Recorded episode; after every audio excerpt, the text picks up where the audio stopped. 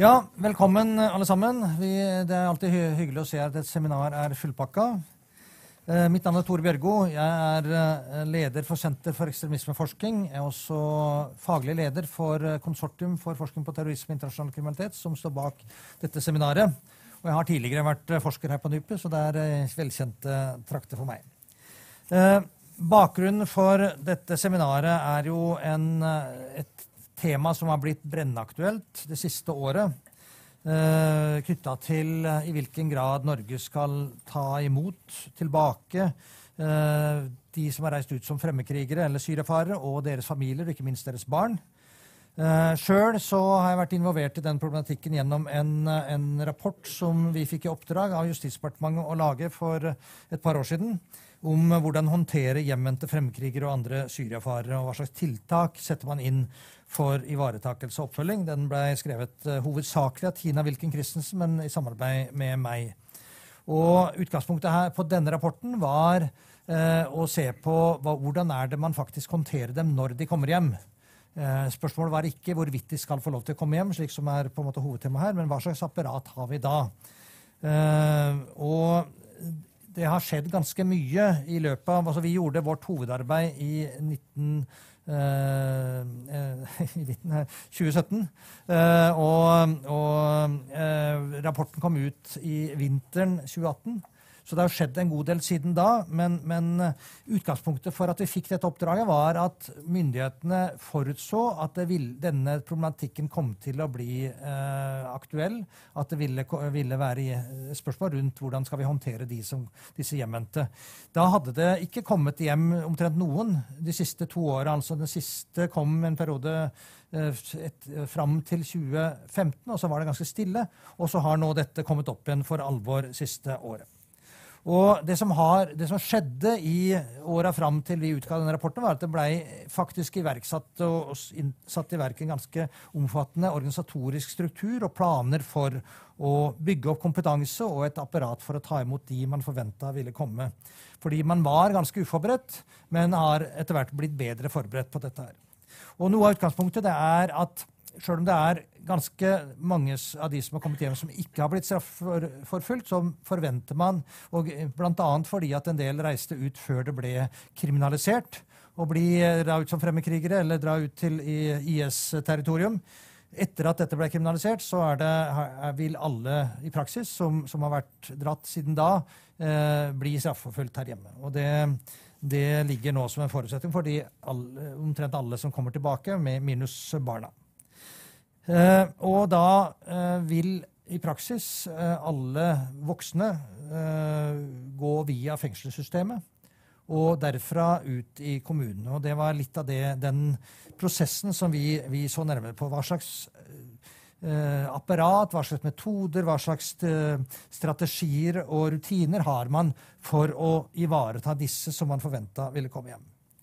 Og nå er det jo slik at dette er, Man har jo i Norge et godt utbygd, ja, et av verdens beste eh, fengselssystemer med den laveste tilbakefallsprosenten i verden omtrent. Slik at man har et veldig godt apparat for å ivareta eh, kriminelle generelt. Og vi har antagelig et bedre apparat enn de aller fleste andre land. Eh, på, mulig til å kunne også ivareta eh, terrordømte i, i, eh, eller dømte fremmedkrigere. Så man har en god del på plass for dette her. Det vi også må vite og være forberedt på, at de som eventuelt kommer hjem av de voksne, det vil være ganske stor variasjon. Vi må forvente at noen er ganske desillusjonerte over det de har vært med på, mens andre uh, er fortsatt ideologiserte og, og uh, kan være både mentalt ustabile og kanskje ha planer om å gjøre et eller annet. Og det, dette er det store ukjente. Vi veit ikke hva det vil medføre, hvilken risiko en del av disse kan kan medføre. Og vi kan også forvente at noen kanskje vil gå inn og være mer sånn påvirkningsagenter enn å være, være terrorister, for å si det sånn. Eh, det vi også må regne med, er at de som har vært i, i forbindelse med IS eh, i, i, Syria og Irak, de har antagelig vært tilskuer til og kanskje offer for og eventuelt utøver av ekstrem vold. Eh, inkludert også voldtekt og kanskje massehenrettelser kombinert med, med, de følgeskader det kan være å leve i en sånn intens krigssone. Og, og, det kan også gjelde selvfølgelig barna som har levd i dette miljøet her og opplevd ganske traumatiske ting. Det betyr at det er betydelig behov for støtte og oppfølging for alle de som kommer hjem, skal de greie å få et fotfeste i det norske samfunnet. Vi vet også at mange av de som reiste ut, hadde et veldig svakt fotfeste fra før av. Og eh, de, de eh, hadde svak tilknytning til arbeidslivet. Mange var involvert i kriminalitet. Og eh, de har få tilknytningspunkter når de kommer tilbake.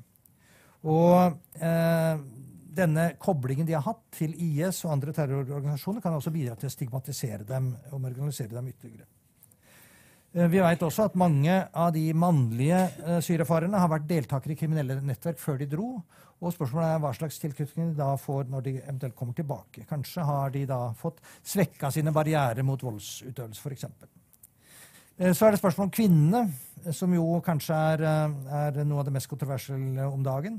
Skal man betrakte dem som villedede ofre eller som selvstendig handlende ideologiske aktører? Og en del av de intervjuene vi har sett, tyder på at de har ganske sterke ideologiske tilknytninger til, til IS, en god del av dem. Men ikke nødvendigvis alle. Og eh, vi må også regne med at de vil bli straffeforfulgt. Og spørsmålet er hvordan håndterer man det i forhold til deres barn. Skal de få fratatt barna? Skal barnevernet overta? Er det familie som skal overta? Eller skal de få barna med i fengsel, som ikke vi har noe særlig tradisjon for i Norge? Um, og barna det har jo vært store, det store temaet. Altså, dette er jo en, en spesielt sårbar gruppe. Det, vi har det har også vært kontroversielt i hvilken grad vi skal ta imot barn til Norge, men det har vært enighet om iallfall de foreldreløse skal få komme hjem, og det, de har da også blitt henta hjem. Men så er det da en rekke andre som, hvor mødre og til dels fedre er i live. Og spørsmålet er skal man ta imot bare barna uten foreldrene, som noen politikere har gjort seg til talsmenn for, eller skal man ta med hele, bare mødrene eller hele familien? Det er et av de spørsmålene. Eh, så eh, skal man nå ta imot Eller man må uansett gjøre noen policyvalg. Og disse valgene vil ha både tilsiktede og utilsiktede konsekvenser. Velger man å ta dem hjem alle sammen, så, så kan det eh, være mye utfordringer knytta til det. Hvis man velger å ikke ta dem hjem, f.eks. la barna og foreldrene være der nede i Syria og Irak, så kan det også ha noen alvorlige utilsiktede bivirkninger, bl.a. at disse barna vil vokse opp i et i et ekstremt miljø og selv antagelig bli eh, infisert av IS-ideologi og kanskje bli neste generasjons terrorister, og muligens med et spesielt hat mot Norge. Det kan være en av konsekvensene vi må vurdere. Eh, til sist, eh, velger man nå å ta Uansett så er det noen som skal tas hjem. Og det vil utfordre det norske apparatet eh, når det gjelder eh, det å samarbeide om å håndtere dette, og ikke minst i hvilken grad man utveksler informasjon mellom politi, PST, kriminalomsorgen og de andre kommunale etatene. Det kan være Nav, eh, helse, skole, SLT-koordinator og andre. For uten et samarbeid så er det veldig vanskelig å lykkes med å få disse man tar imot, enten det er barn eller voksne, til å få et godt fotfeste i Norge. Eh, så det er, eh, og der har man eh, mye å slite med når det gjelder bl.a. håndtering av taushetsplikt og annet. Nå har vi fått tre gode innledere, men la meg først si at dette, dette seminaret blir streama både på lyd og bilde. Det vil si at dere må være forberedt på at hvis vi stiller spørsmål, så går det ut i det ganske land. Og også i form av bilder. Så, så dere kan jo eventuelt vurdere, de av dere som ikke har lyst til å bli streama, hvordan dere håndterer det. Vi har tre gode innledere her. Eh, vi har Petter Nesser, som skal se på sikkerhetsaspektet ved retur av fremmedkrigere. Vi kjenner Petter som en av verdens ledende forskere på jihadisme i Europa spesielt. Og han har forska på dette i, i eh, ja, 15-16 år. Ja, der. Uh, Uh, og, og, er sentralt i dette sterke verdensledende forskningsmiljøet på FFI, som jobber med, med jihadisme, terra-miljø. Så har vi førsteamanuensis Sofie Haugestøl, som er jurist. har vært med og, og en av redaktørene av den boka om fremmedkrigere. Forebygging, straffeforfølgelse og rehabilitering i Skandinavia, som kom ut i fjor, var det det? som er, belyser dette, denne problematikken fra, fra ulike synsvinkler. Og så har vi Lars Lyster, som er knytta til RVTS Øst, som betyr da ressurssenter om vold, traumatisk stress og selvmordsforebygging, og er en av de ledende aktørene vi har når det gjelder dette med å, å formidle kunnskap om radikalisering og forebygging på dette feltet her. Så nå begynner vi med å gi eh, ordet til, til, Petter som første innleder, og så vi, går vi runden. Vær så god, Petter. Tusen takk for eh, invitasjonen, og tusen takk for eh, fin innledning. Eh, introduksjon. Eh, I forbindelse med denne debatten rundt repatriering så har det blitt hevda fra ulike hold at eh, eh, fremmedkrigere, og da det, det europeiske fremmedkrigere i Syria og Irak vi først og fremst snakker om, da, er noe mindre farlig enn først antatt. Og det her begrunnes da med at en, liten, en, en, liten, andel av de som reiste ut, har senere blitt, vært involvert i, i, terror. Det har også vært referert til forskning som har blitt gjort på FFI, som, som viser at det er tilfellet. Altså, vi har gjort tellinga på hvor mange som har reist ut, og hvor mange som har vært med i terrorangrep. og det kan være så lavt som ned mot 1 som Hvis vi da går ut fra at det er 6000 som har reist, så blir det 60 Eh, som jo kan være alvorlig nok hvis alle de 60 utfører én aksjon hver, f.eks. Men, eh, men det som liksom ligger bak den argumentasjonen her, det er jo det at eh, de som reiste ut, det var en mangfoldig gruppe. De reiste med ulike motivasjoner. Mange av dem hadde sikkert ikke noe interesse av å drive med internasjonal terror. De skulle dra dit for å, for å kjempe mot Assad-regimet. Eh, men eh, samtidig så, så, tror jeg vi skal se litt sånn kritisk på den tanken om at, uh, at fremmedkrigere kan være mindre farlige enn antatt. Uh, det, kan også, det kan, være andre grunner til at, uh, så, at det er såpass få fremmedkrigere som har vært involvert i å gjennomføre terror i Europa, enn det med forskjellige motivasjoner. Det kan også ha mye med kontraterrorpolitikken å gjøre, og utvikling i kontraterrorpolitikken. Eh, og også da det samspillet som er mellom sikkerhetstjenester på den ene siden og eh, de strategiske valgene som terrorister gjør på den, på den andre siden. Eh, jeg har da jobba med, med, kvalitative studier av terrorhendelser i Europa i, i, eh, utført av jihadister i, i, mange år. Og gjennom Eh, det inntrykket som jeg har, har, har skaffa meg da, gjennom å, å, drive med sånne studier, eh, det er at fremmedkrigere har hatt en veldig stor påvirkning på trusselbildet i Europa. Eh, helt fra 90-tallet og, og, og fram til i dag. Det er fremmedkrigere altså fra, som kom fra konflikter i Afghanistan og Irak andre steder, som bygde nettverkene i Europa historisk. Og de har vært mye involvert i angrepsplotting. Og det er også fremmedkrigere som har vært eh, bak eh, noen av de største og dødeligste angrepene i Europa historisk. Eh, og som jeg skal Hovedpoenget mitt her er at en viktig forklaring på hvorfor vi kan telle så få angrep der fremmedkrigere har vært en, vært en, deltaker i angrepet i Europa nå de siste årene, mellom 2014 og, og 2017, altså etter at IS ble etablert, det har veldig mye med styrka kontraterror å gjøre. Uh, det her uh, er bare en uh, illustrasjon av datagrunnlaget som, som, jeg har jobba med på FFI siden 2003. det baserer seg på en liste over både planlagte og gjennomførte terrorangrep i Europa fra 1994 og fram til i dag. Da det, det, som er bak tallene her, det er eh, gjennomførte angrep av en Al Qaida-tilknytta gruppe som het GIA i Frankrike på midten av 90-tallet. Eh, mange angrep av Al Qaida-tilknytta celler, angrep av plott, altså eh, avverga eh, angrep eh, sånn som ja, ja, eh, på, på, gjennom hele 2000-tallet. Og da angrep og plott gjennomført av Eh, personer med ulik grad av tilknytning til IS. Og her er det mange kjente aksjoner som dere har hørt om. London-bombene i 2005, Madrid-aksjonen 2004. Eh, for å ta et eksempel på et plott fra Norge, så er det en eh, fremmedkriger som eh, danna en terrorcelle eh, for Al Qaida som var basert i Norge og skulle gjennomføre et angrep i Danmark i 2010. Eh, du har angrepet på en soldat i Woolwich i 2013. Eh, angrep av en eh, fransk algirer mot eh, jødiske barn og soldater i Sør-Frankrike i 2012. Bataclan-angrepene, Brussel-angrepene. Alt det her er i den statistikken, men alt der handler om jihadisme, og det handler kun om Europa. Det er det som den, de tallene her viser.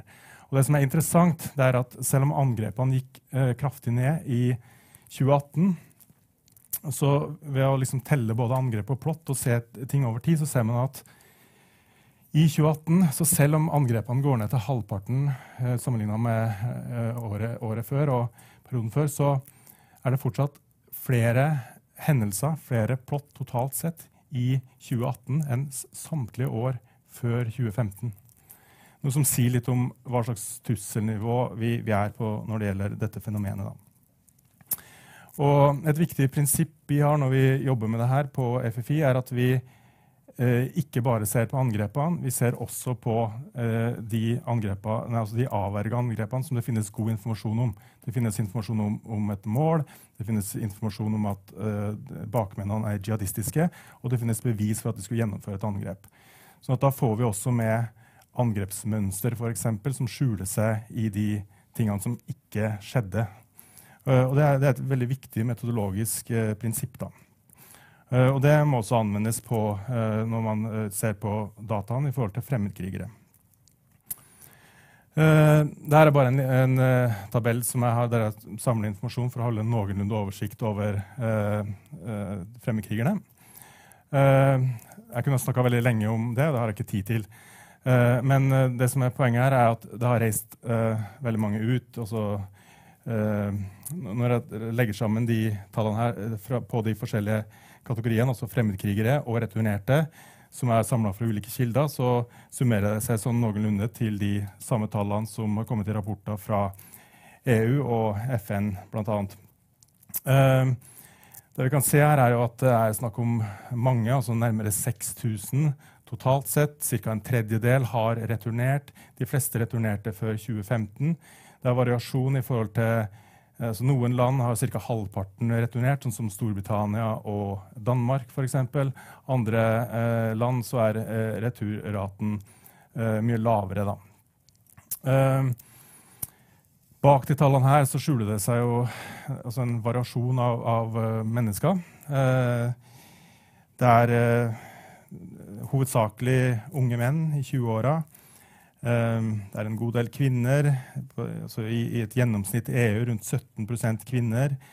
Eh, Nederland er et land som har en uh, høy uh, kvinneandel, spesielt høy kvinneandel, opp mot 32% Danmark har en kvinneandel på 10% f.eks. Storbritannia på 12 alderen, Selv om de fleste er i 20-åra, så har du også folk oppe i 60-åra som har reist, faktisk. Eh, selv om det jo da er unntak. Eh, konvertitter eh, varierer fra helt ned i 6% til 20% i noen land. Så det er, det er et, et mangfold, av folk, mangfold, mangfold, av folk som har reist med, med, ulike motivasjoner. Da. Det de dessverre har til felles, det er jo da at de aller fleste av de her ble med i jihadistgrupper som har et uttalt mål om å ramme Vesten.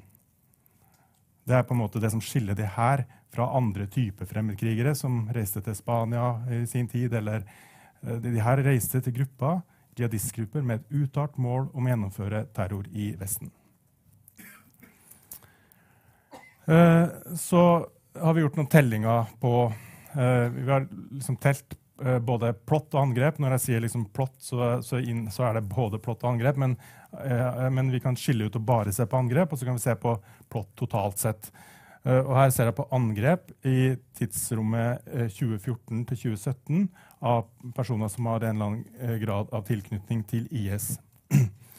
Og det vi ser da, er jo eh, at eh, det er en liten andel som som, uh, av, av plottene der uh, fremmedkrigere, returnerte fremmedkrigere har vært med på gjennomføringen av angrepet. Liten andel sammenligna med, med, da plott der, eller angrep der returnerte fremmedkrigere ikke har vært med. Samtidig så er jo det den, den, andelen der, I den andelen der så finner vi noen av de virkelig store angrepene, sånn som Bataclan-angrepet og angrepet på flyplassen i Brussel. Og flere andre plott. Eller flere andre angrep. Hvis man da tar inn også de avverga angrepene, så endrer bildet seg noe, men uh, det er det samme mønsteret. Det er eh, returnerte fremmedkrigere Eh, har vært med i en relativt liten andel av plottene, sammenligna med plott der fremmedkrigere ikke har vært direkte involvert i, i angrepet. Så for å liksom, prøve å finne ut litt hvorfor, hvorfor skjer det, hvorfor er det ikke flere, så tenkte jeg at det kunne være greit å se på utvikling over tid og prøve å tolke uh, dataen. Det er bare et bilde av en av de kjente aksjonene som, som involverte returerte fremmedkrigere. Hvis man da ser tidsrommet 2014 til 2017 og ser på eh, an, altså, altså, plott som har involvert uh, fremmedkrigere, og plott som ikke har vært, uh, som har involvert fremmedkrigere, så ser det sånn ut. Og det som er tilfellet her, er jo at i starten, tidlig i 2014 og utover i 2015, så er det ganske mange plott som involverer fremmedkrigere. Det det her, I den, den fasen her så uh, opererer det såkalte ABO-nettverket, som bl.a. Uh, eh, gjennomførte Bataclan og, og, flere andre angrep. Det var et stort angrepsnettverk. Uh, så synker da andelen der du har direkte involvering. Uh, mens andelen som ikke har direkte involvering, uh, blir da større. grunnen til at det er, at det er en, en økt usikkerhet utover her, det handler rett og slett om at det her er saker som, som er av nyere dato, og at det ofte ikke er så lett å avgjøre om det har vært en fremmedkriger med eller ikke. For det er stor usikkerhet rundt det òg, i de kildene som vi jobber med. jobber med åpne kilder. sånn at vi må på en måte ha konkret informasjon om at det er en fremmedkriger, returnert fremmedkriger med, for at vi liksom skal, skal kunne plotte det inn i datasettet vårt. Forklaringen på her er jo at i, starten så blir rett og slett europeiske sikkerhetstjenester overrumpla av en, en, organisasjon som har sterk motivasjon om å slå til mot uh, europeiske land som var med i koalisjonen mot IS. Det er en angrepskampanje uh, som rett og slett overvelder tjenestene. Og de får gjennomført uh, ganske mye, og det er høy aktivitet. Og så settes det inn mye mer kontraterror. Uh, det blir vanskeligere for, uh, for fremmedkrigere å returnere, og derfor så blir det også da Da teller vi rett og slett færre fremmedkrigere i plott. Det er sånn som jeg tolker dataene, først og fremst. Men som svar på det, da så ser vi i datamaterialet at IS begynner å operere på en annen måte gjennom sin eh, seksjon for internasjonale operasjoner. Uh, og uh, vi ser da etter hvert at uh, organisasjonen begynner å ta i bruk det som omtales i litteraturen som virtuelle entreprenører, som da bygger terrorceller gjennom krypterte apper, sånn som WhatsApp og Zello og andre applikasjoner, som da har blitt brukt i veldig mange av de eh, tilfellene eh, som vi eh, Eller de, de, plottene som vi har registrert. Eh, med rett og slett styring. Og det som jo er interessant i forhold til å vurdere fre, hvordan fremmedkrigere påvirker trusselen, det er jo det at i, i, mange av de tilfellene her så finner vi informasjon om at, den som sitter i den andre enden i Syria og snakker i appen, er da en europeisk fremmedkriger. Som styrer eh, personer i hjemlandet sitt, f.eks. Eh, sånn at det vi, gjør, det vi har, eh, har, sett litt på, det er å forsøke å bryte opp de, eh, de plottene der du ikke har direkte involvering, der en fremmedkriger ikke har vært med i, i, selve gjennomføringen eller vært med i, i plottet. Eh, og, og, og, og brutt opp de i noen underkategorier. Sånn at du har da Her har du eh, plott der fremmedkrigere fysisk har returnert og vært med i plottet. Her har vi saker der vi ikke finner noe informasjon om at en, en fremmedkriger har vært involvert i selve plottet. Her har vi plott som har blitt instruert av personer som er omtalt i kildene som en fremmedkriger, eller der det finnes indikasjoner på at vedkommende er en fremmedkriger. Her er bare en kategori vi har tatt med for å vise at i, i, en viss andel av sakene så har personer blitt forhindra fra å dra. sånn at det, det, er noe som også kan måte, gå inn i et sånt større vurdering av fremmedkriging som, som, et fenomen som påvirker trusselbildet. Da. Og der har vi personer som har blitt stoppa fra å dratt, og, og, så i ettertid blitt instruert av en fremmedkriger til å gjøre et eller annet. Uh, sånn at uh, Hvis man da legger sammen på en måte direkte involvering, instru instruert og obstruert og instruert, så får man det bildet her, som da er nokså forskjellig fra det vi åpna med, som er dette. Uh, som underbygger i hvert fall den, det som er uh, min oppfattelse av hvor stor innvirkning uh, fremmedkrigerne har hatt på trusselbildet mer bredt. Uh, men faktum er likevel at av de returnerte så er det jo en relativt lav prosent med direkte involvering i angrep og plott. Dette er bare en annen illustrasjon som viser eh, på en måte eh, hvordan eh, man har gått fra direkte involvering til indirekte involvering gjennom å, eh, gjennom å styre eh, terrorister utenfra. Og at det ofte er eh, fremmedkrigere som sitter i andre enden og, og gjør det her. Eh, bare avslutte med å si litt om hva materialet vårt kan si om eh, trussel fra kvinner og eh, barn. Eh, fordi det er også et, et tema som, som, eh, som, er langt framme i debatten. Eh, de dataene jeg har samla, kan ikke si så veldig mye om det. fordi det jo, de er ikke noen, noen, eksempler i mitt datamateriale på, på returnerte kvinner som har Eh, gjort et eller annet i Europa. Og ingen ek eksempler på returnerte barn eller tenåringer som har gjort noe i Europa.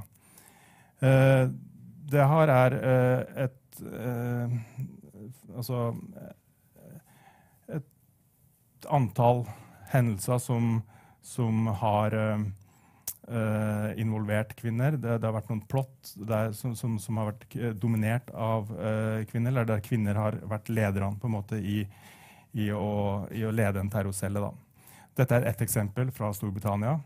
Uh, og der denne personen er da en fremmedkriger, en britisk fremmedkriger i Syria som var i kontakt med denne personen og forsøkte å få henne til å gjennomføre et angrep i Storbritannia. Som da viser også den dynamikken med en fremmedkriger som bruker kryptert, krypterte apper til å forsøke å få i gang plott hjemme. Når det gjelder tenåringer, så i hele det, den perioden jeg har sett på, helt tilbake i Al Qaida-fasen, så har altså unge menn på ned til 17 års alder og sånn vært involvert i, i plott. Men det er veldig veldig få eksempler på at, at barn, altså yngre barn er, er involvert. Uh, i de sakene jeg har sett på i tidsrommet 2014 til, til 2017, nyhetsperioden, så er det to eh, tilfeller jeg har klart å finne. Eh, det dreier seg om en sak med en 14-åring. En trist eh, historie fra eh, Østerrike. Eh, der en, en ung, veldig ung gutt ble oppfordra av IS-ekstremister online til å gjennomføre et eller annet, men han ble heldigvis stoppa før, før han fikk gjennomført det. Og det er også en annen sak fra Tyskland med en tolvåring som ble manipulert av en annen ekstremist til å utplassere en, en bombe. Det er det, det jeg har klart å, å, å, finne i materialet mitt rundt det. Eh, så sånn for å avslutte, så, så mener jeg at er, vi, skal, vi, skal ha, vi, skal, vurdere Vi skal se litt sånn kritisk på tallene her når, når vi vurderer på en måte eh, Eh, eh, trusselen fra, fra, Eller hvordan eh, fremmedkrigere er med på, på på å forme trusselbildet i Europa. Og jeg mener at det har hatt, og fortsatt har, en, en, en nokså stor påvirkning på trusselbildet i Europa. Uh, og til sist så viste jo bl.a. aksjonen i Sri Lanka, som, som, jo var en stor og brutal aksjon, der fremmedkrigere var involvert og hadde, hadde viktige roller eh, viser jo at dette er absolutt en, en trussel som må tas på, på alvor. Da. Ja, takk for det.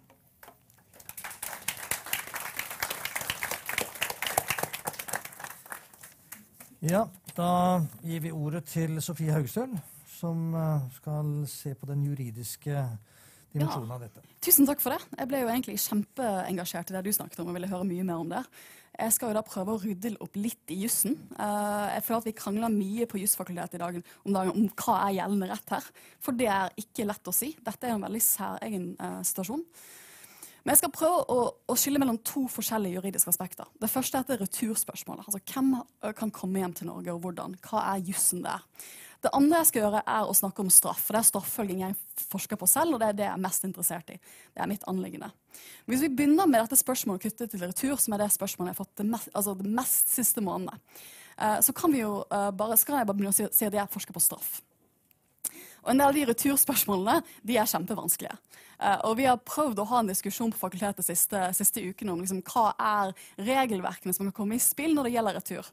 Og det er mye forskjellig. Det er alt fra barnevern, det er alt fra skikkelige nybrødssaker i barnevern, um, til uh, statsborgerskap, til mer praktiske sånn, konsulærbistand. Det viser det ingen på fakultetet som kan noe om konsulærjus. Så der har vi avdekket gråsoner.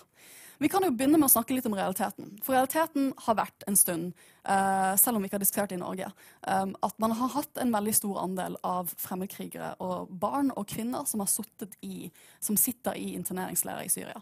Og jeg synes at uh, The Washington Post oppsummerte det veldig godt før jul, da de sa at dette er jihadistene ingen vil ha. Det er litt den situasjonen man er i på bakken. Det er ingen som vil ta ansvar for disse personene. Uh, dette er et oppslag fra Aftenposten fra januar, uh, hvor de skriver at uh, kalifatets siste dager, her flykter de siste IS-krigernes koner og barn. De får snart vite hva som venter dem. Det er ikke sant. De, fortsatt, de har fortsatt ikke fått vite hva som egentlig venter dem. Det er fortsatt den situasjonen man hadde i januar, hvor man ikke har fått avklart på et større basis hva vi egentlig skal gjøre med disse personene. Eh, det andre som har kommet inn i bildet siste tiden, er jo det faktum at vi ser at en del av de som uh, faktisk sitter og internerer disse fremmedkrigerne og deres barn, det er uh, de kurdiske selvstyremyndighetene i Syria. Og de har ikke lyst til å ha disse personene på deres territorium. Og det kan man jo forstå. De ønsker å gjenoppbygge Syria og sin del av Syria. De ønsker ikke å bruke så mye ressurser på utenlandske statsborgere. Så de har rett og slett bedt oss om å hente dem hjem. Uh, og, og, selvfølgelig Det som har dominert uh, det vestlige mediebildet det siste året, er jo fremmedkrigere som nå bønnfaller og, spør om å komme hjem. Det, det, det, må jo merke seg at det er ikke alle fremmedkrigere som har lyst til å komme hjem. Det er ikke alle personer disse leirene som har lyst til å returnere til sitt hjemland. Men vi ser jo uh, at det har vært store medieoppslag rundt de som nå ønsker å komme hjem. Problemet er bare at det er ikke noe folkerettslig rett for en utenlandsk statsborger til å bli hentet hjem til sine hjemland. Så det er den første grunnpilaren vi må snakke om når vi snakker om retur av fremmedkrigere. Man har ikke en aktiv rett dersom man befinner seg i utlandet på at den norske stat kommer og henter deg ut. Sånn er det. Verken etter folkeretten, ei heller etter nasjonalrett i Norge. Og det betyr at når vi ikke snakker om juss, hva er det vi snakker om da? Vi snakker om politikk, moral og etikk. Det er det som dominerer. Staten her er fri til å handle. De har et handlingsrom i folkeretten og etter nasjonalrett her. Og da snakker vi jo egentlig om politikk. Og det er jo derfor dette er den største debatten, sikkerhetspolitiske debatten antageligvis i Europa for øyeblikket. Det andre vi kan si sånn fast jussmessig, da, det er at norske statsborgere kan ikke bli nektet innreise i riket skulle de komme på våre grenser. Så dersom en norsk fremmedkriger kommer hjem, så må de få lov til å komme inn i riket. Vi kan ikke nekte de uh, på Gardermoen å få innreise i Norge. Vi kan godt arrestere de hvis det er politihjemler til det, men vi kan ikke nekte de innreise. Og etter utenriksstasjonsloven må UD også tilby, og det føler jeg er et nøkkelord her, de må tilby konsulær bistand til norske borgere i utlandet. Og Da er spørsmålet hvor mye konsulær bistand må de tilby. Og Da er vi egentlig inne på det som er liksom, rettssituasjonen for uh, de fleste norske statsborgere som er i konfliktsonen nå. Og det er at UD har vært veldig tydelig, det har de vært i flere år, på at man ikke har et rettslig krav for bistand i Syria i dag. Og det er fordi at De personene som har reist til Syria, de har brutt UDs reiseråd. Så er det én ting jeg har lært av hele den debatten, det er ikke bryt UDs reiseråd. Sant? Det er mye viktigere enn det man trodde. Uh, fordi jeg har sagt at, UD har sagt at Vi har vært veldig tydelige siden denne konflikten starten, at hvis du reiser på, til Syria, så reiser du på egen risiko og eget initiativ. Da kan ikke den norske staten hjelpe deg der du er. Um, og Det betyr at uh, den norske holdningen til fremmedkrigerne i dag det er at vi kan tilby dere noe av den konsulære bistanden dere kanskje har rett til under norsk rett, men da må dere komme dere til norsk utenriksstasjon for at vi kan gjøre det. Og faktum er jo at De fleste um, som vi snakker om av disse kvinnene og barna som sitter i Syria, de er ikke fri til å komme seg til en norsk utenriksstasjon. De er internert. Um, de har ikke den friheten til å reise, og de har heller ikke reisepapirer. Så for de å komme seg til en norsk utenriksstasjon, det er nok i praksis veldig vanskelig. Og Det betyr at de er i denne gråsonen. Hvor ikke, liksom, de ikke har noe rett på å komme hjem. De har kanskje noe rett på, på krav på konsulær bistand, men da må de komme seg til en norsk utenriksstasjon, og, det, og det gjør de ikke slik som situasjonen er nå rent praktisk. Så der har vi jussen. Men da har jo spørsmålet vært hva med barna? Og da er vi jo midt inne i den debatten. altså Hva hva er etikk, hva er moral, hva burde Norge gjøre som stat? Eh, det er et veldig vanskelig spørsmål, men her har vi hatt en stor utvikling siste uken. Og det er at de fem foreldreløse barna som eh, nok er de eneste foreldreløse barna som UD vet om eh, i konfliktsonen, ble hentet hjem forrige uke. Og mange har spurt meg hvorfor har en del av statene begynt med å hente hjem de foreldreløse barna. Og svaret på det er veldig enkelt. Når det er et foreldreløst barn, så er det selvfølgelig en person som er mer, enda mer sårbar enn de andre barna som er i konfliktsonen. Men rent rettslig, når det er et foreldreløst barn, så må, ikke, så må ikke staten forholde seg til en voksen person sammen med det barnet. Da må man ikke ta stilling til hva man gjør med mor eller far som er i konfliktsonen sammen med barna. Derfor er det rettslig sett mye lettere å hente hjem et foreldreløst barn enn det er å hente hjem barn som har foreldre i konfliktsonen. Og Det er kanskje den vanskeligste uh, juridiske diskusjonen som pågår akkurat nå. Her er det forskjellige meninger. Uh, men Barneombudet uh, og Norges antageligvis fremste ekspert på barnerett, Kirsten Sandberg, har vært veldig tydelig på at dersom Norge skal hente hjem de barna som er igjen i konfliktsonen, som har foreldre der, så må også den norske stat hente hjem foreldrene. Man kan ikke etter Barnekonvensjonen skille mor og barn. Fordi at barna har en menneskerett på, på altså rett til familieliv. Og jeg skjønner at det er vanskelig for folk å forstå, for jeg tror mange tenker at de kommer jo til å miste foreldreretten det sekundet de lander i Norge. Men det er et eller annet med rekkefølgen her. Norske stat har ikke lovhjemmel til å skille barn fra foreldre, slik som situasjonen er nå. Men for å gjøre det enda vanskeligere, så har jo spørsmålet veldig fort blitt at hva hvis foreldrene i konfliktsonen gir samtykke til at staten går inn og henter ut barnet? Kan staten gjøre det da? Og Det er et veldig vanskelig juridisk spørsmål. og Det er nok det spørsmålet som kommer til å bli hyppigst diskutert over de neste ukene, etter mitt skjønn. Det er akkurat dette spørsmålet her. Um, for det vi ser at uh, Denne uken så har en del av mine kollegaer som virkelig kan barnerett, kommet på banen. og De har sagt at i og med at de kvinnene som befinner seg i disse leirene, sammen med barna sine, er i en såpass utsatt og presset situasjon, så kan ikke de reelt sett samtykke. De kan ikke reelt sett samtykke til å gi fra seg barna i en så presset situasjon, for de er egentlig i en nødstasjon. Og sånn sett kan ikke Norge få et sånn fri og uavhengig samtykke fra de kvinnene der. Det er et kontroversielt spørsmål. Det er ikke klart for meg hva staten Norge mener om det. Uh, vi vet at norske politikere har snakket om at man kan hente hjem barn hvor foreldrene har samtykket. Men det er uklart for meg akkurat nå hva uh, myndighetene i Norge tenker om akkurat det samtykkespørsmålet. Og det kommer til å bli kjempevanskelig. Uh, og det har også litt med å gjøre at nå skjer det veldig mye på bakken. Um, senest rett før jeg kom hit i dag, så så jeg at Frankrike henter nå hjem flere barn. Frankrike begynte for noen måneder siden med å hente hjem foreldreløse barn.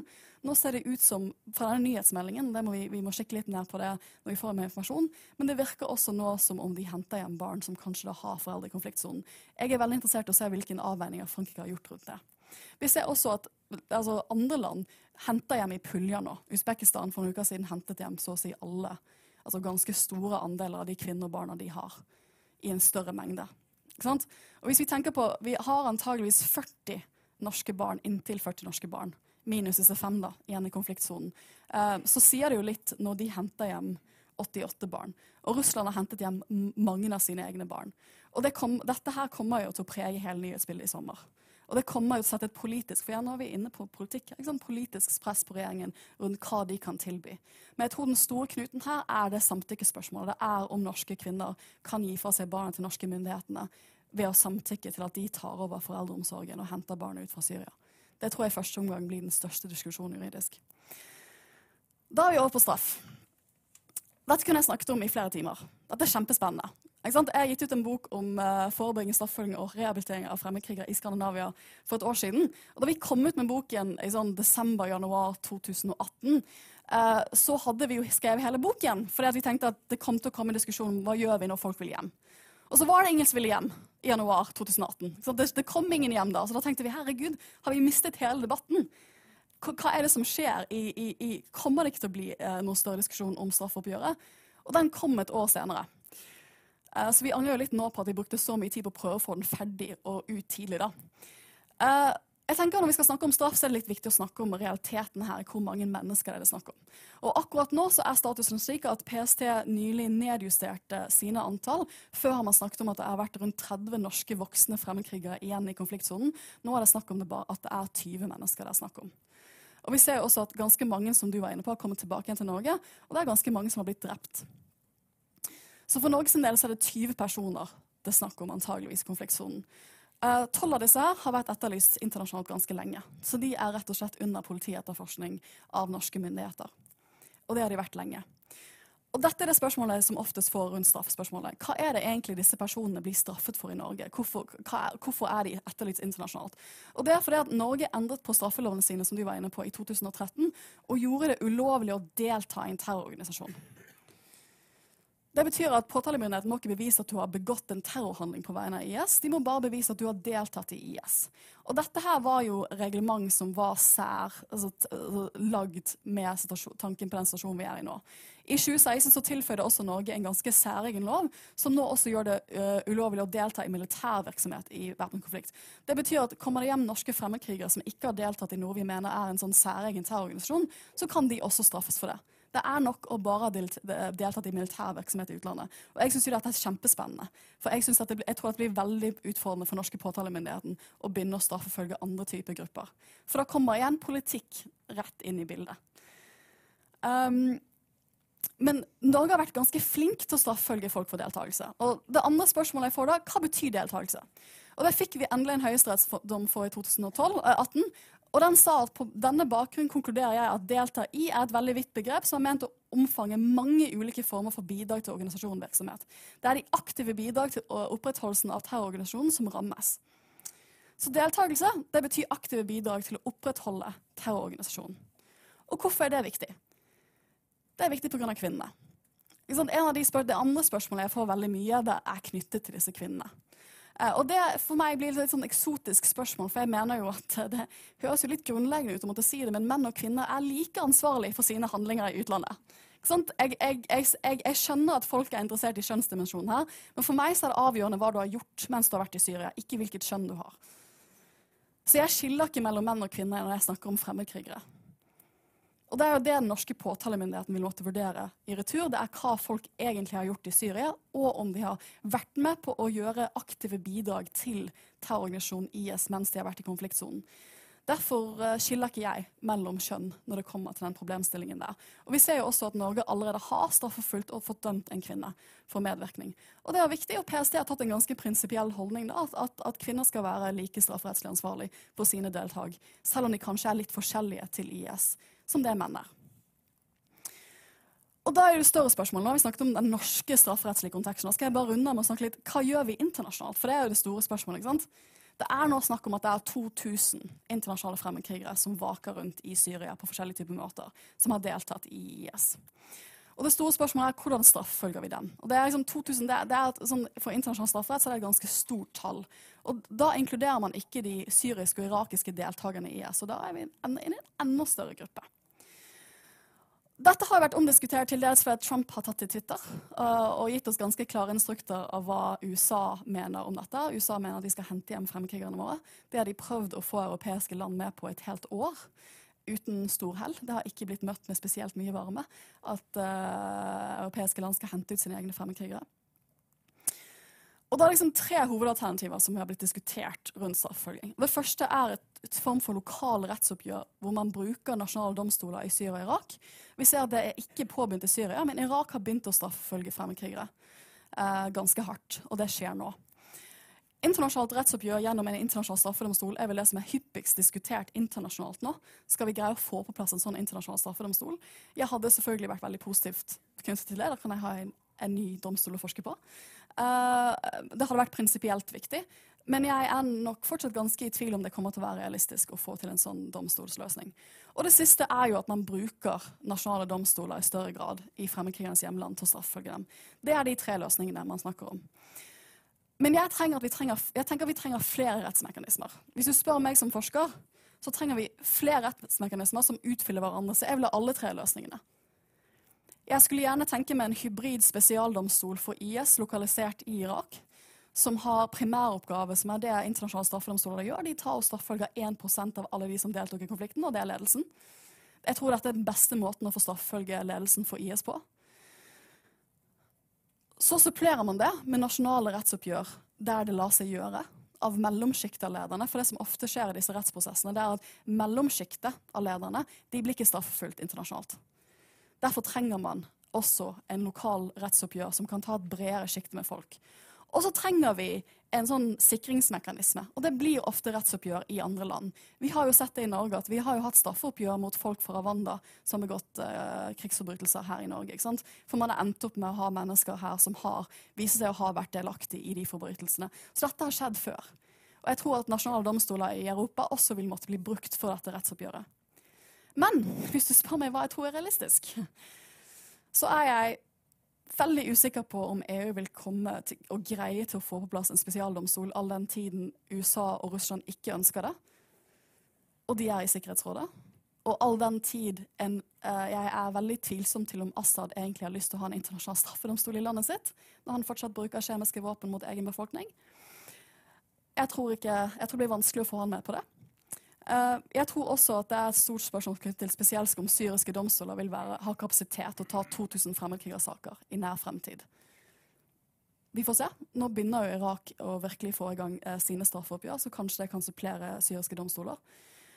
Og det er jo litt derfor, sånn som situasjonen er i dag, så er den mest reelle straffefølgingsmekanismen vi har til, som, som, redskap, da, det er nasjonale domstoler. Enten vi liker det eller ikke. Uh, og Derfor skrev jeg en kronikk i mars som jeg fortsatt står inne for. Eh, at jeg for en gangs skyld er enig med Trump. Jeg tror at Fra et strafferettsperspektiv Jeg forsker ikke på sikkerhet, jeg kan ikke si noe vettugt om det. Men hvis du spør meg hva er den beste måten å straffeforfølge de norske fremmedkrigerne på, så er det nok gjennom nasjonale domstoler. Men det er politisk veldig vanskelig. Takk for meg.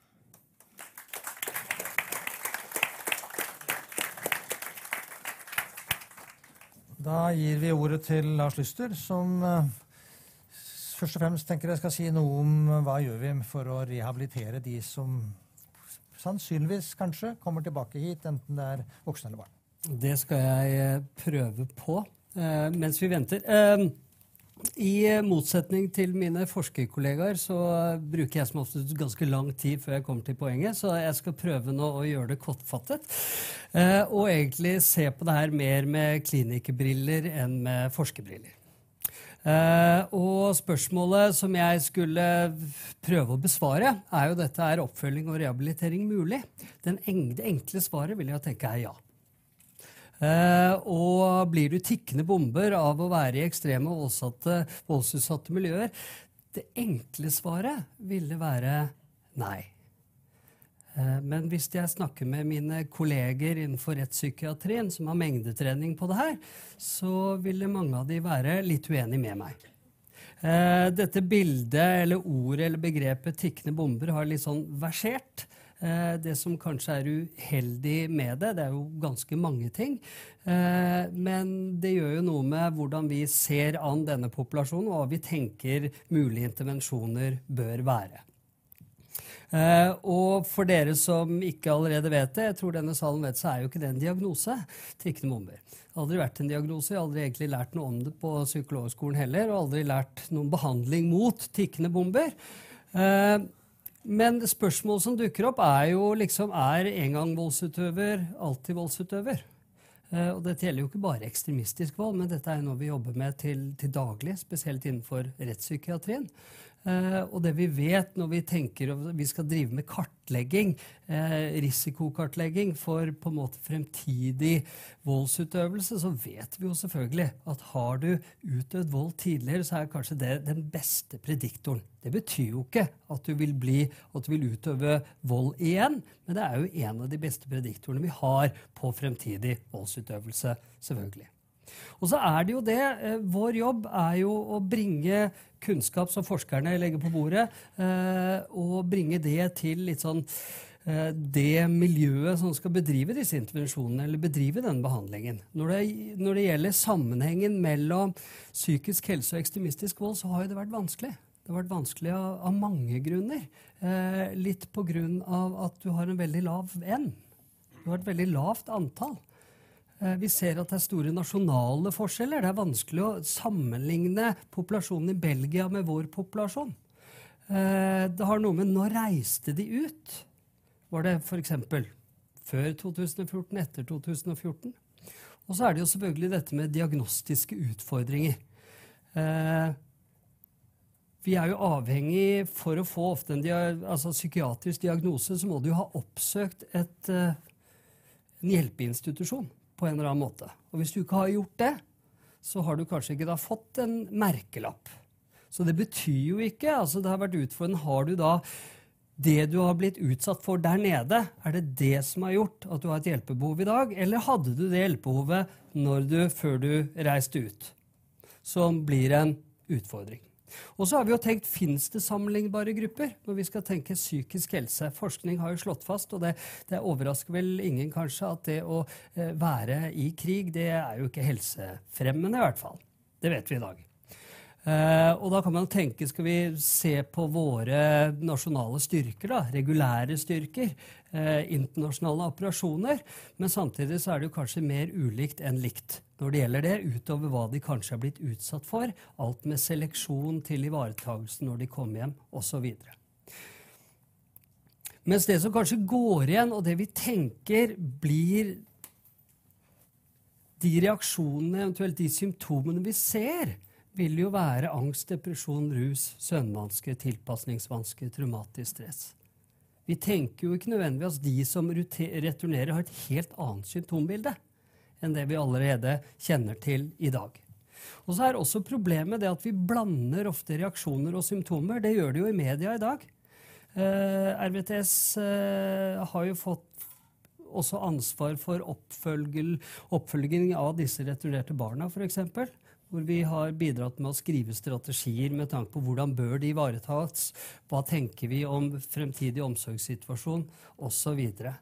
Eh, men i de situasjonene så er det vanskelig å vite når de kommer hjem, er det reaksjoner de har, eller er det symptomer som, trengs, som de trenger behandling for. Og Noen ganger er det vanskelig, for reaksjoner kan se helt like ut som symptomer. Den eneste forskjellen er sånn varighetskriterium. ikke sant? Hvor lenge du har hatt noe. Hvis du har hatt det veldig lenge, og så sier jo diagnosebøkene noe om hvor lenge for du må ha noe før vi tenker at dette er et symptom, og at det symptomet kan gå inn i et symptombilde som vi kan putte merkelappen en diagnose på. da. Og det har noe å si med hvordan skal vi intervenere. At vi kanskje intervenerer annerledes hvis vi tenker det er reaksjoner, enn hvis det er symptomer. Jeg skal komme litt tilbake til det når jeg skal snakke om barna spesielt. Og så er jo kanskje det som er eh, en utfordring òg, er jo er det det at de har vært passiv, Altså har de vært utsatt for gjentatte krenkelser der nede i en eh, krigssone?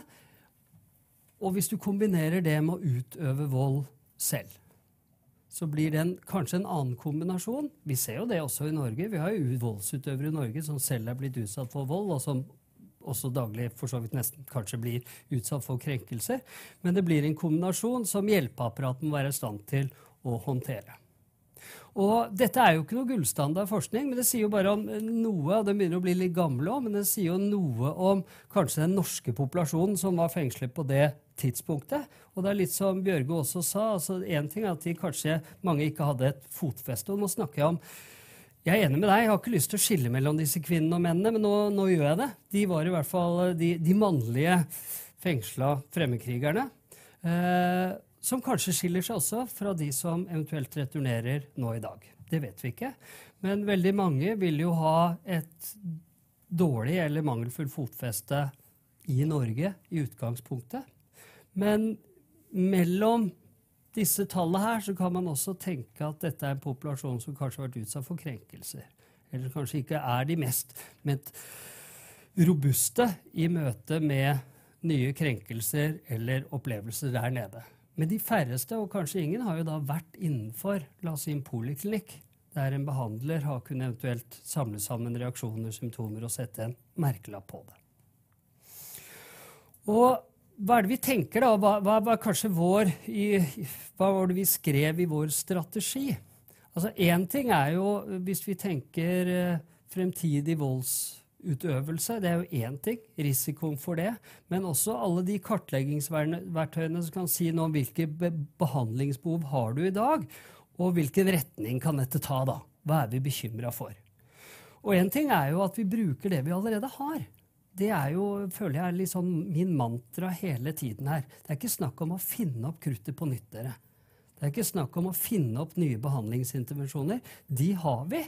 Men for at vi skal gi riktig intervensjon, så er vi avhengig av, avhengig av skreddersøm og tenke at disse eh, personene ikke er en del av en homogen gruppe, men er forskjellige individer. Som har opplevd forskjellige ting, og som hadde med seg ulik bagasje når de reiste ut.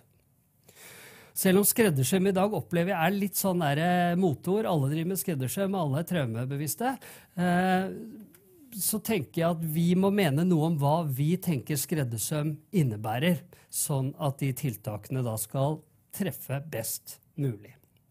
Og som det står her, det at man har en metode, eller man velger metode ikke basert på at du kommer derfra eller har gjort det, men på det symptombildet eller de reaksjonene eller det lidelsestrykket da, som disse oppviser. Og jeg tenker Det som blir den store utfordringen for at vi skal kunne rehabilitere de, eh, er jo dette med stigma. Jeg var eh, nylig i Praha, hvor dette ble ble drøfta, så ble det lagt fram en sånn ny EU-rapport knytta til eh, kriminalomsorgen og ivaretagelse av også da returnerte. Og det som på en måte kom opp som en stor bekymring, er, er, jo hvor mange av de som var redd for å komme tilbake til samfunnet, som var redd for at de aldri ville få seg en jobb, som hadde allerede konkludert med at de ville bli stigmatisert og eh, på ulik måte da, diskriminert når de kom ut igjen. Og Det gjaldt jo ikke bare denne populasjonen, men det gjaldt den populasjonen som også ble studert her, som var voldsutøvere generelt. Og på lik linje med behandling av eventuelt spesialisthelsetjenesten og andre instanser, så er jo dette med reintegrering og sosialisering like viktig. Og at vi gjør det samtidig, så å si. For eh, behandling alene, sånn vi har rigga til vårt behandlingsapparat i dag, tenker jeg vil ikke være nok for at de skal bli reintegrert, eh, og at de eventuelt skal forbli symptomfri hvis behandlingen er god og hensiktsmessig. Jeg skal bare si helt avslutningsvis litt dette med returnerte barn og mødre. Uh, nå er det jo nok en gang jeg er enig med deg. Jeg har ikke lyst til å, å skille, selv om jeg gjør det her. Uh, noen europeiske land har jo tatt enda mer stilling. Tyskland f.eks. Så i utgangspunktet så vil jo ikke de bli straffeforfulgt. Men der må det da, da bevises at de har vært uh, del i en voldshandling eller en kriminell handling. Mens hvor mennene derimot direkte blir straffeforfulgt. Så det er litt sånn ulik praksis. Og Du nevnte også Frankrike. Som, eh, og det, det, som er liksom viktig å ha med seg, at jeg tror det er ingen europeiske land i dag som har mengdetrening i det her. Man mener noe. Ja, vi har snakket med fire barn, men det er ingen som har Wow, vi har funnet opp den beste løsningen. Frankrike for eksempel, de vil møte de på Charles de Gaulle, og så vil de frakte de til, til det nærmeste sykehuset. Og så vil, det, vil de bli kartlagt både somatisk og psykologisk. Det er noe vi også tenker er hensiktsmessig i Norge at man gjør. At den kartleggingen foregår. Eh, det Frankrike eh, eller de franske psykiaterne jeg snakka med, opplevde som en utfordring, var jo selvfølgelig at hva er hva? Når et lite barn kommer på Charles de Gaulle og blir frarøvet sin eneste trygge person der og da, hva er det barnet viser da i dagene som kommer? Er det reaksjoner på separasjonen fra omsorgsgiver, eller er det reaksjoner på det dette barnet er blitt utsatt for i flyktningleiren under tiden der de ja, bodde i en krigssone, mer eller mindre, og også den tiden det, de kanskje ikke opplevde like mye krig. Uh, og der er det kanskje enda viktigere at man har tunga rett i munnen når man tenker hva er reaksjoner og hva er symptomer. Og at det det kanskje handler om, i større grad enn uh, mødrene og fedrene, er at man tenker regulering over tid. Hva er det som skal til for å regulere og trygge de nok, sånn at man kan få et klart bilde? Og så ser vi også en bekymring for Det kan være en kombinasjon av somatiske utfordringer og psykologiske utfordringer. Alt fra underernæring, hvordan det påvirker hjerne og utvikling, eh, kombinert med hvordan ser vi at krenkelser eller traumatiske opplevelser, eller hvordan stress over tid da igjen påvirker barns også somatiske utvikling. Denne komboen. Og det vi vet, er at uh, og det vi vet fra de få barna som har returnert, og som kanskje ikke er så overraskende, er at de viser jo angst, hyperaktivering, søvnvansker, sinne, dissosiative vansker. ikke sant? At de, de er Plutselig er de ikke der. Eh, en måte å håndtere det på. Tristhet, depresjon, tilknytningsvansker, posttraumatiske reaksjoner forsinket utvikling, spiseforstyrrelser. Ikke sant? Du har hele spekteret. Av disse fem barna nå som er returnert, så vil jeg tenke at de oppviser ganske ulikt symptombilde. Og det handler om at de har ikke opplevd akkurat det samme. De har vært i ulik alder når de har opplevd det. Og det å tenke at du skal ha én metode som skal passe for alle, det blir utfordrende. Og derfor må man, spesielt med den gruppa, tenke skreddersøm. Og som det står her, det er alder og, og hvor, hva de har fått med seg fram til de ble da utsatt for disse stressordene, vil jo påvirke Altså si noe om hvordan de kan ha håndtert de. Og så er det litt sånn helt til slutt jeg tenker Vi må ha med oss at traumer og krenkelser påvirker en voksenhjerne men det organiserer barnets hjerne. Sånn at stress og krenkelser hos små barn vil ha en helt annen påvirkning enn på f.eks. den voksne hjernen enn en voksen og moden hjerne, som vi ofte kanskje ser da, hos de returnerte fremmedkrigerne. Eh, det er også versert en sånn debatt om disse blir tikkende bomber. Der kan jeg kanskje enda tydeligere si nei. Det er ingen sånn genetisk avtrykk her som sier at de her på noen som helst måte skal bli tikkende bomber. Men selvfølgelig, jeg støtter jo den debatten også som pågår, at hva gjør vi hvis vi ikke hjelper? Hva gjør vi hvis vi ikke bistår? Og hvor kommer eventuelt et fremtidig hat til å rettes hvis eh, de ikke mottar hjelp eller støtte? Og i motsetning da til Tyskland og noen andre land, så vil jo de foresatte bli straffeforfulgt.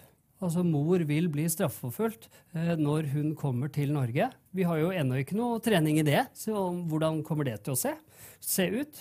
Vi har vært med å kanskje mene noe i en strategi. Eh, om det blir fulgt, det er man usikker på.